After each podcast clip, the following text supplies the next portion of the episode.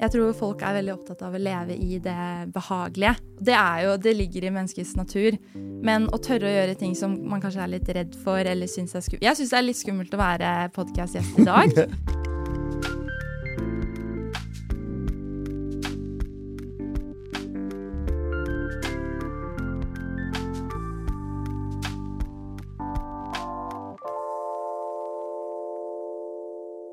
Kjære ørevenner, kjære seere der ute. Vi er klar med en ny episode av Fotopodden. For noen uker siden så hadde vi en episode hvor vi snakket om hvordan man kunne skaffe seg et levebrød ved, med foto. I dag har vi en litt tilsvarende variant, denne gangen med video. Og til å hjelpe oss med det, så har vi fått besøk av Maria Sørli. Jeg kan ikke si fra hvilket selskap, for du driver jo tre selskaper, gjør du ikke det? Jo, det gjør jeg. Er det det som må til for å skaffe seg et levebrød i Det, det tror jeg ikke, men jeg tror det er, flere, det er bra å ha flere ting å leve av. Mm. Og det har på en måte blitt litt til mens jeg har gått, at det har videreutvikla seg. Så jeg driver da Sørli Media, som er et eh, selskap som driver med videoproduksjon. Har jeg drevet siden jeg var 17 år gammel. Og så er jeg eier i noe som heter Her. Hun etablerer ressursprogram. Og så driver jeg også noe som heter dinbryllupsfilm.no. Så da har du litt forskjellige bein å stå på. Men er det sånn at du har hoppet av utdannelsen for å drive med dette her? Jeg, eh, jeg har nok alltid tenkt at jeg skal ikke studere foto og film, fordi man kan lære seg veldig mye selv. Og eh, så kom korona, og jeg som veldig mange andre mista mye oppdrag. Og da tenkte jeg at eh, hvis jeg skal studere, så er det nå. Og da begynte jeg på film og TV. Og fikk et veldig veldig godt inntrykk. Man kommer inn i en klasse med 70 andre som driver med det samme. Og fikk veldig, veldig mange gode bekjentskaper. Men så begynte jeg nok litt ut i studiet og føle at men jeg lærer jo ikke noe. Fordi du hadde jobbet med det tidligere? Eller? Ja, altså Studiet er veldig lagt opp av at man skal lære av hverandre. Mhm. Og jeg likte å komme på skolen fordi det var hyggelig å være med folka, men jeg følte ikke at jeg lærte noe. Og så ble det en sånn konstant dragkamp mellom eget selskap og skolen. Hvor burde jeg være? Her føler jeg at jeg lærer noe. Jeg lærer mye ute i felt, men jeg føler ikke at jeg lærer så mye på skolen. Og til slutt da så måtte jeg sette meg ned og faktisk ta et valg. Og da ble det å droppe ut. Det er vel ikke kanskje noe vi anbefaler for alle, men selvfølgelig det er jo helt individuelt hva som passer for hvem. Absolutt. Så, men du begynte da du var 17 år, sier du, med dette her. Ja. Hva, holdt på å si, Hvorfor og hvordan gjorde du det? Fortell litt om bakgrunnen der. Jeg har alltid hatt en veldig stor lidenskap for film og foto. Og så eh, tenkte jeg egentlig først at jeg skulle bli advokat, sånn som pappa. Så første året på videregående også, så har jeg kjempebra karakterer, fordi jeg skal jo gå jussen. Og så setter pappa seg ned med meg og så sier han sånn Men Maria, hva er det du egentlig vil? Og det var en veldig fin samtale, for det var jo å drive med film. Men så tenkte jeg at jeg tror det er veldig vanskelig å leve av. Jeg skjønner ikke hvordan jeg skal leve av det. Men så sa pappa at det, det kommer du til å få til. Og etter det så har jeg egentlig bare tatt litt sats. Jeg har, eh, har Jeg vet ikke helt hvor det kommer fra. Jeg har bare alltid hatt lyst til å drive med film. Alltid tatt frem et kamera og filma masse. Og da starta jeg selskapet mitt. Ja, For andre 17-åringer som har lyst til å drive med film, de finner jo fram et eh, kamera eller mobiltelefonen, og så filmer de litt, og så legger de ut på YouTube, og så syns de det er kjempekult når de har 14 følgere. Og så lager de en ny film til, og så har de 20 følgere. Og så eh, sier de 'Å, jeg er YouTuber'. Og det er det de gjør med film. Hvordan er du 17 år og, og kommer noen vei? Hvordan får du oppdrag? Hvordan får du gjort noe? Ja, det er et gøy spørsmål. Jeg, jeg tror jeg har litt den der, gründerskapen i meg. Jeg liker å drive selskap, jeg liker å utvikle selskap. Jeg starta da jeg var 17 år og hadde jo ingen kunder. Og så bestemte jeg meg for at jeg må begynne firma. Så jeg sitter på skolen på Brønnøysund, oppretter da firmaet. Og så tenker jeg sånn, hvordan skal jeg få mine første kunder? Og så lager jeg, jeg sitter hjemme i et Word-dokument og så skriver jeg, så lager jeg en liste over hvilke kunder er det jeg har lyst til å jobbe med. Og så gikk jeg inn og så lagde jeg en liten analyse på disse kundene sin nettside. Et eksempel er YouWish. Og da fant jeg ut sånn Dette her gjør de kjempebra. Det her må de gjøre mer av. Og de viste mye opplevelser, men ikke noe film. Og da tenkte jeg sånn OK, men her kan jeg komme inn og hjelpe til, da. Og da var jeg nok litt eh, ballsy når jeg ser tilbake på det som 17 år, men jeg sendte de en mail, og så var jeg sånn Hei, jeg har sett på nettsiden deres. Dette her er kjempebra. Hvis dere bruker video her, her og her, så kan det bli veldig mye bedre, og jeg tror dere kommer til å få enda mer salg. Og så skrev jeg nederst at la meg filme en film for dere, helt gratis, og hvis dere er fornøyde, så tar vi et møte. Og eh, et møte ble det, og det ble en fast kunde i mange år, og det gjorde jeg med veldig mange kunder i starten. Jeg skjønner ikke i dag helt at jeg turte, Nei. men jeg tror nettopp at det at jeg turte å være litt frempå og på en måte være sånn Prøv. Prøv å bruke meg, og så tar vi det derfra. Gjorde at jeg fikk mye oppdrag i starten. Mm. Altså, det er jo litt sånn at Hvis du ikke har noen kunder, så har du jo ikke så mye å tape. Mm. Og hvis du ikke tar betalt for det første oppdraget før de er fornøyd med det, så har du jo på en måte heller ikke noe å tape, annet enn jobben du har gjort. Ja. Så fallhøyden er ikke så veldig stor. Nei. Men du må jo ha vært dritnervøs på det første oppdraget for den første kunden som 17-åring. Ja, og jeg tror det er det som er bra, for man har så lyst til å levere og vise hva man er god for. Mm. Og ikke minst eh, hva det kan gjøre for selskapet. Jeg mente at de kommer til å få veldig mye mer bookinger av å nettopp vise følelsen av å gjøre opplevelser. Og sånn ble det jo også. Mm. Så ja, jeg tror, jeg tror man må tørre å gutse litt. Og så sette seg ned og tenke på hvem vil jeg jobbe med, hvordan skal jeg komme meg dit. Mm. Jeg får jo ukentlig eller oftere e-poster fra et eller annet selskap som har analysert nettsiden vår og mener at de kan forbedre den veldig, og så kaster de en søppelkasse og bruker ikke mer enn ti sekunder på den. Hvordan skriver du en sånn e-post og får den til å bli lest? Jeg setter meg skikkelig inn eh, hvis jeg skulle gjort det hos dere, inn i foto.no. Sånn at når du leser den mailen, så føler du at hun her har kunnskap. Hun har ikke bare satt seg ned og bare satt sammen noe sendt, som hun mest sannsynlig har sendt til 50 andre. Jeg skriver veldig sånn egna mot dere. Og tør å kanskje være litt eh, direkte med dere. Og så prøver jeg å vise min verdi samtidig, da, sånn at du skal tenke at OK, hun her er det verdt å snakke med. Mm. Og da retter du det mot bedriftskunder, og der burde det jo være litt penger å hente. Um, hvorfor trenger du masse andre selskaper ved siden av det? Det er rett og slett fordi at Sørli Media starta for seks år siden og driver selv. Der er jeg eneste ansatt. Og så i din bryllupsfilm så har vi hatt en ganske stor skalering og veldig økt. Eh, etterspørsel. Og derfor så har vi fått inn da to til, Emma og Ingrid, som jeg nå jobber sammen med. Og da fant jeg ut at det beste nå er å trekke din bryllupsfilm ut av Sørli Media, sånn at det blir et eget selskap. Og at de kan styre mye av da driften i det. Sånn at jeg nettopp kan fokusere på de andre selskapene som jeg jobber med. Ja, nettopp. Så du starter opp og trekker det ut, og starter opp og Ikke trekke meg helt ut. Nei. Sånn som i bryllupsfilm, det er så mye hjerte i det. Og det er jo et selskap man har bygd opp, så det betyr jo alt. Så veldig inkludert i det. Og filmer en del bryllup eh, selv. I år hadde jeg vel nesten hver eneste lørdag. Mens eh, nå neste år så kommer jeg nok til å ha fire-fem bryllup, sånn at Ingrid og Emma kan ta litt over. Fordi jeg er nødt til å fokusere på Sørlig Media. Ja. Og så har du Her. Ja. Det, jeg kikka så vidt på det på nettet, og det virket jo, det virket jo veldig lite kommersielt. Mhm. Eh, fortell om det, for det virker jo ut som en, eh, virker som en sånn idealistisk sak Ja. du brenner for. Det er det virkelig. HER står for Hun etablerer ressursprogram. Og de skal hjelpe yngre kvinner, spesielt da unge, eh, unge jenter, ut i næringslivet. Og det er en veldig hjertesak for meg. Jeg skulle gjerne sett flere kvinner starte bedrifter og drive bedrifter. Og ikke minst i filmbransjen. Der møter jeg mest menn på jobb. Og så møter jeg mye kvinnelige produsenter og sånn, så jeg skulle gjerne hatt mer av det. Derfor så var det veldig riktig for meg å gå inn i Her og være en del av engasjementet der. De lanserer først i mars, så akkurat nå så jobber vi med utviklingen av eh, programmet som kommer. Og der så har jeg jobba på en operasjon, som vil si at jeg da har levert filmproduksjon, mine tjenester, mot at jeg da har fått aksjer i selskapet. Ja, nettopp. Men hvordan, hvordan går det selskapet rundt? Altså, tar det betalt av de som skal ha hjelp, eller får dere noe offentlig støtte, eller er det noe De kommer til å På plattformen så kan man kjøpe medlemskap. Mhm. Så vil det være mye workshops, kurs, masse forskjellig. Det er ikke alt jeg kan fortelle om helt ennå heller. Nei. Har du noen gode historier om ting som har gått skeis, som du gjerne vil at folk skal vite om, så de ikke gjør samme feil som deg? Ja, jeg har klart å brekke et minnekort som 17-åring på oppdrag. Fordi at jeg hadde det i, eh, på de eldre Mac-ene i siden på PC-en. PC-en falt i gulvet, og minnekortet brakk. Det jeg vil si er viktig da, er å ringe kunden. Vær brutalt ærlig med en gang. Si hva som har skjedd. Jeg var veldig lei meg. Jeg viste at jeg var lei meg. Og gjør aldri det igjen. Jeg setter aldri inn et minnekort eller jobber med en harddisk uten å sitte helt stille på et bord. Så det vil jeg anbefale alle å gjøre. Og så på alle oppdrag ha med et backup-kamera, fordi du vet aldri hva som kan skje. Og i de fleste kameraer i dag så kan du ha to minnekort. Ja.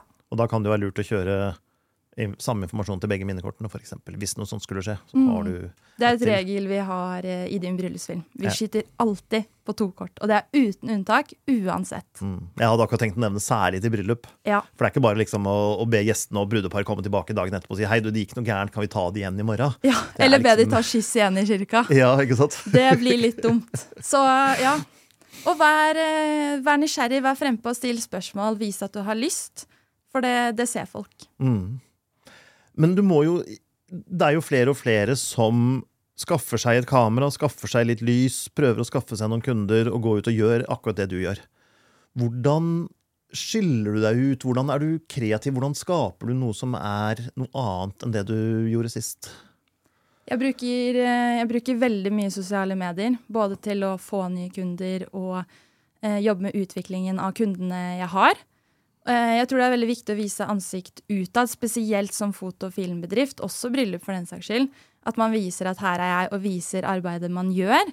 Og en ting jeg har begynt å gjøre litt i det siste, er å dele arbeidshverdagen på TikTok.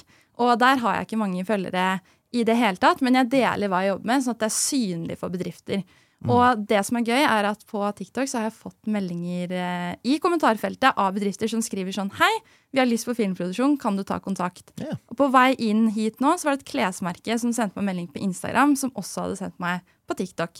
Så jeg tror eh, i dag så er det veldig viktig å være der kundene er. Og hvor er kundene mest i dag? Sosiale medier. Mm. Hvilke sosiale medier bruker du eh, utenom TikTok? Jeg bruker også Instagram, mm. og den er kobla til Facebook, så det går automatisk ut der. Ja. Så har jeg ikke begynt å bruke LinkedIn veldig aktivt, men det vil jeg anbefale alle andre å gjøre. Det er noe jeg også burde gjøre mer av.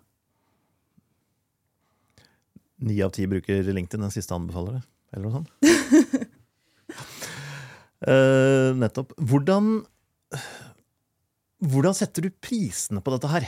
Altså, bedrifter har jo ofte en annen betalingsvillighet enn private. Og nå har jo i din bryllupsfilm så er det jo private. Mm. Og private har jo en tendens til å ikke forstå hva ting koster. Ja. Men det er kanskje lettere hos bedrifter. Hvordan finner du et riktig prisnivå? Hvordan setter du disse tingene? Jeg bruker Proff, og så ser jeg, jeg ser på regnskapet til bedriften. Også for å nettopp ikke legge meg altfor høyt og være helt ute prismessig. Og så snakker jeg med dem. Jeg stiller mye spørsmål i møte ofte når de spør om filmproduksjon. Så er det veldig mye detaljer om hva de ønsker, hvor mye de ønsker, hvordan de ønsker det. Og ut ifra det så klarer jeg å sette sammen og skjønne hva jeg burde prise meg på.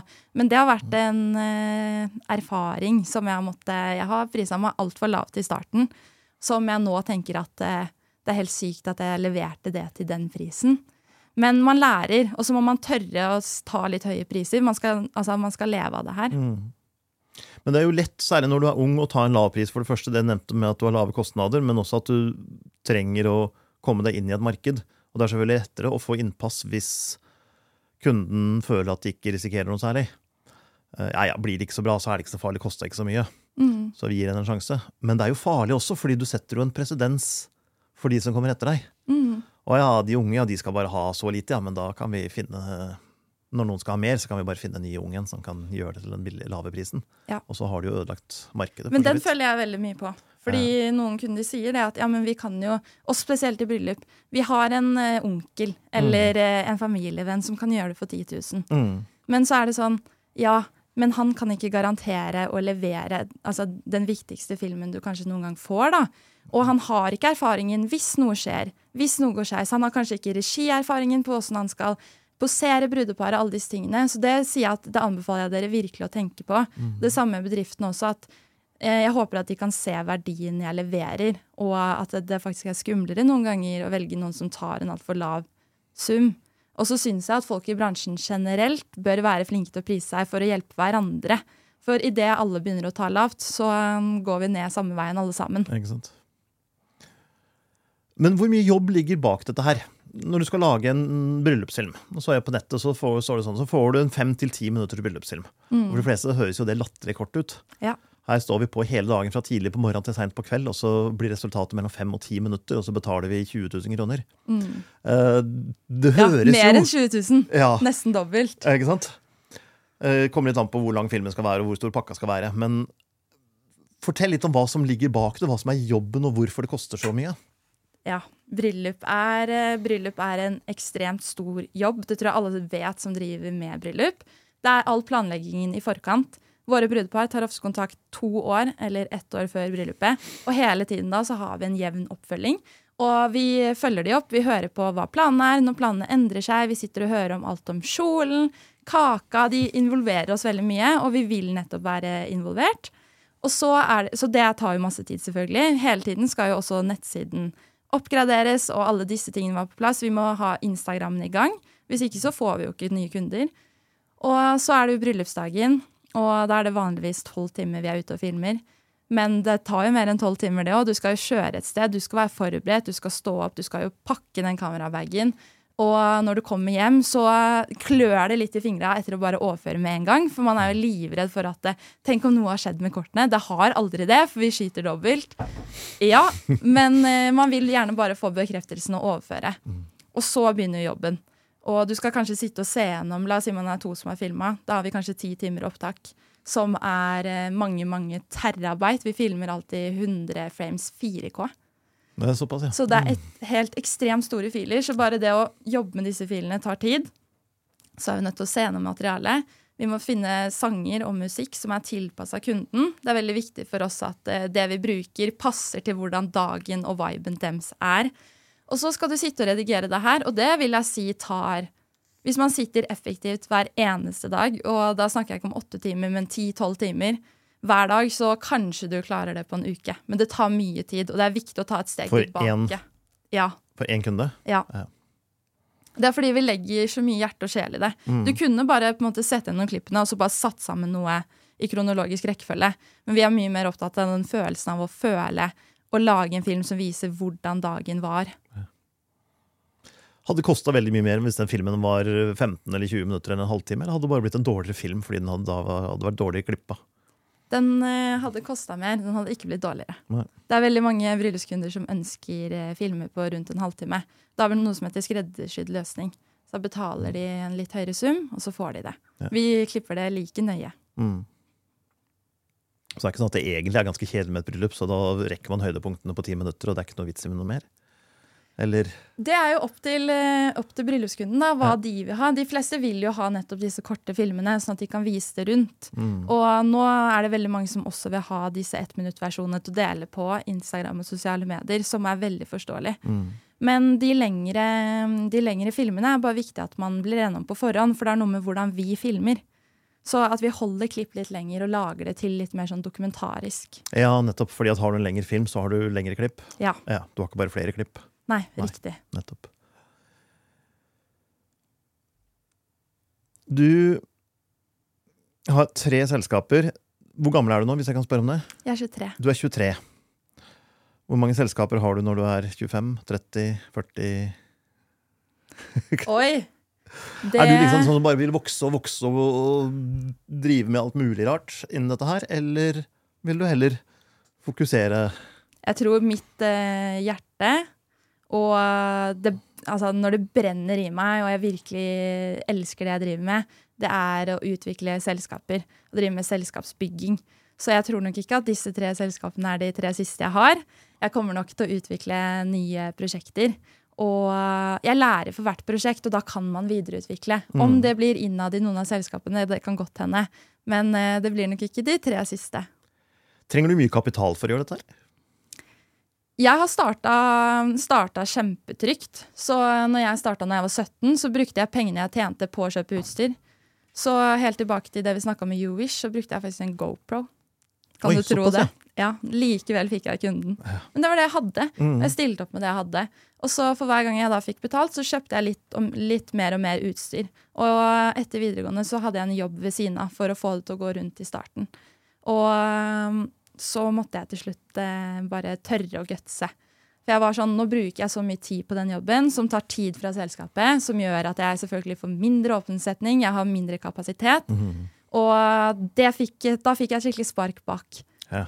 For da må du faktisk. For hadde du satsa tyngre, så hadde du tjent mer og da, enn det du gjorde på den sidejobben. Ja. Ja, men Så- da må du risikere noe. Ja, jeg angrer på at jeg ikke tok den sjansen før. Samme studie også. Jeg følte nok lenge at det her bør jeg ikke være så veldig mye med lenger. Men så blir man fordi at det er trygt. Mm. Og hva skjer når jeg dropper ut? Men eh, begge gangene så har det vist seg å være helt riktig.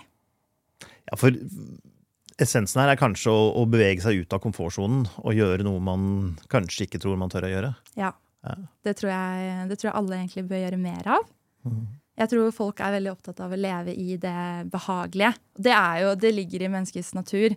Men å tørre å gjøre ting som man kanskje er litt redd for eller synes er skummelt Jeg syns det er litt skummelt å være podkastgjest i dag. og kroppen min syns det er ubehagelig å gjøre det. Men så vet jeg at det, det gir så mye når man viser seg selv at man tør. Man bygger på en måte selvtillit. Og samme med sende mail til den kunden, dra innom den kunden, ring den kunden. Bare gjør det. Mm. Du må ha gjennomføringskraft, hvis ikke så blir du bare værende. Mm. Nei, det er viktig, og du vokser på det personlig. Og, og jeg tenker jo alltid, uansett om det er type jobb du gjør, eller du bare søker en ny vanlig 9-4-jobb, 8-4-jobb hvis, hvis du tror, eller hvis du er overbevist om at du takler den jobben 100 så har du egentlig satsa for lavt, tenker jeg. tenker jeg. Da bør du satse litt høyere. Ja, og samme hvis du setter deg noen mål, og du tror at du kan nå de, Mm. da har du satt for lave mål. Mhm.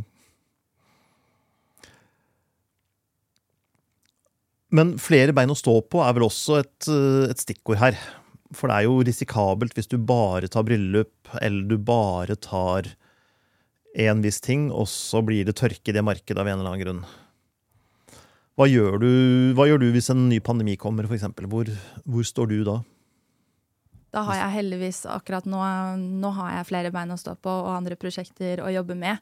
Og så tror jeg at jeg hadde brukt pandemien litt til min fordel og sett på sånn OK, men hva kan jeg gjøre nå? Hva trengs nå?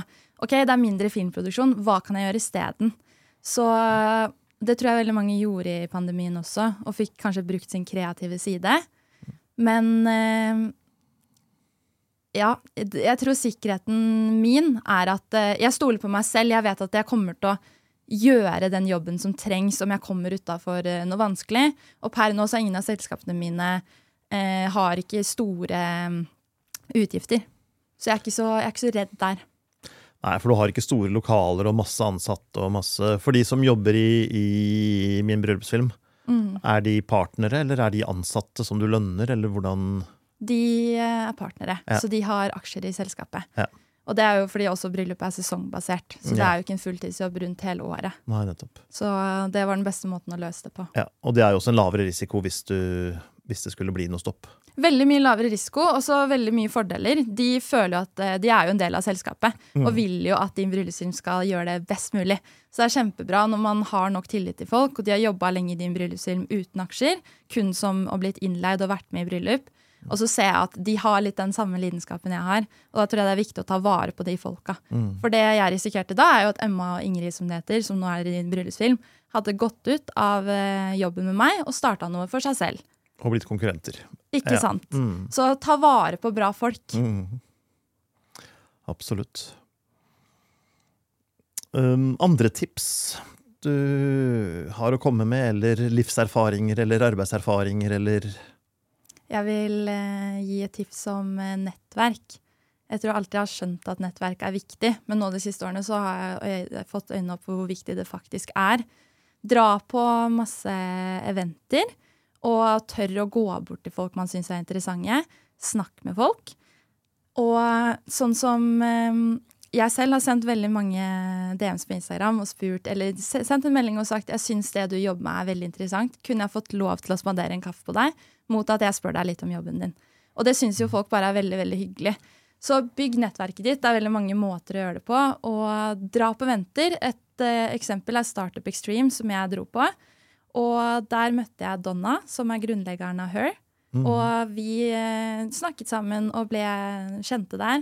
Jobbet litt sammen etterpå, og så fikk jeg til slutt da aksjer i Her. Det er jo en reise, da. Men det sier litt om Hadde jeg aldri vært på Startup Extreme, så hadde jeg heller aldri vært en del av Her. Så det er veldig viktig å være rundt, vise ansikt, nettverket, og ikke minst bare tørre å snakke med folk. Ja, nei, for det er jo tilfeldige møter som gjør at man får sånne muligheter. Og jo mer du stiller opp, jo flere tilfeldige møter blir det jo. Mm, og se, se etter det. Vær nysgjerrig. Still masse spørsmål. Mm. Plag alle rundt deg. Ja. Nei da. På en hyggelig måte. Ja. Spander den kaffen.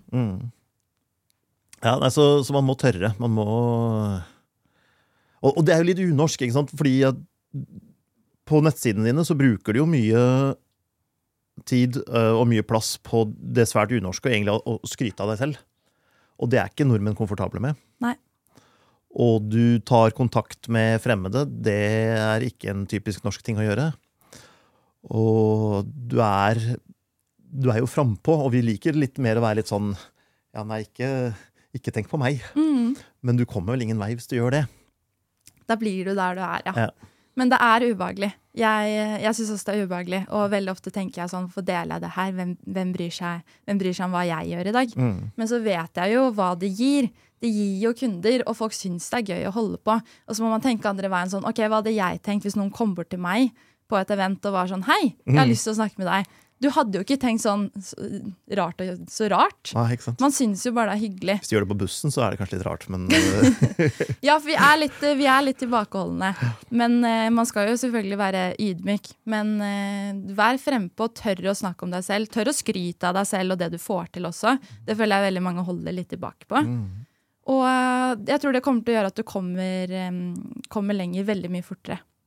Og det er jo en fordel for deg at du bor i et land med folk som er litt kanskje tilbakeholdne og litt introverte og ikke tør å stå fram. For når du da tør å stå fram, så har du en fordel. Ja. Jeg tror i, Hvis du drar til USA, for eksempel, så er det mye mer del av kulturen å stå fram og skryte av seg sjøl. Og da blir jo den konkurransen mye mye hardere. Absolutt. Så sånn sett så er det jo en fordel hvis man, øh, hvis man tør å være litt frampå Ja. i Norge. Og ta litt plass, rett og slett. Ja. Og det har jo vært en sånn tradisjonell kjønnsting at kvinner skal ikke ta plass. Mm. Og det er helt sikkert vanskeligere for kvinner å ta plass. eh, Og blir møtt på en annen måte. Ja. Desto tøffere er det når dere tør å gjøre det, syns jeg. Takk. Få høre om Manchester. Mm. Manchester er eh, et av de største oppdragene jeg har hatt til nå. Og eh, måten jeg fikk det oppdraget på, er at det er, en, det er et selskap i Drammen som jeg har jobbet litt sammen med. Jeg har søkt jobb der veldig mange ganger. Ikke fått svar. Og så har jeg fortsatt å søke. Sånn er jo jeg litt. Og til slutt så fikk jeg svar, og fikk jobbe med de. Og hadde det veldig fint eh, når vi jobba sammen, men fant nok ut at jeg skulle heller fortsette med eget selskap. Og holdt fortsatt kontakten. God stemning. Og plutselig en dag så ringer han sjefen i det selskapet meg, så sier han sånn Maria, vi har fått et oppdrag her, og det er om en uke. Vi har ikke kapasitet. Kan du ta det? Så sier jeg sånn, ja, når er det? For datoene, det passer. Og så sier han til meg, det er filming av et fotballag. Den er grei. Og så får jeg da en mail som er skrevet på engelsk med logo nederst av Manchester City. Og så tenker jeg sånn OK, dette er spam, dette er en feil, men så skriver de om denne filminga, da. Så jeg ringer han opp med en gang, og så sier jeg sånn, du, jeg har fått en mail av Manchester City, er dette riktig? Så var han sånn, ja, jeg sa jo fotball. Så var jeg sånn, ja, men OK. Fotball, ja. Så da fikk jeg oppdraget. Vi firma Champions League Trophy Tour hvor de reiser rundt med Champions League-trofeet med tidligere trenere og spillere. Og da støtter de en del veldedige formål. Så den første dagen så var vi og filma et lag hvor de trente et lag da, som hadde funksjonsnedsettelse. Og det var så god stemning og så fint. Og videre så filma vi annet en som het Alf, som hadde ALS. Og da hadde Haaland lagd en egen hilsen til han. Og vi kom eh, inn der, viste han den.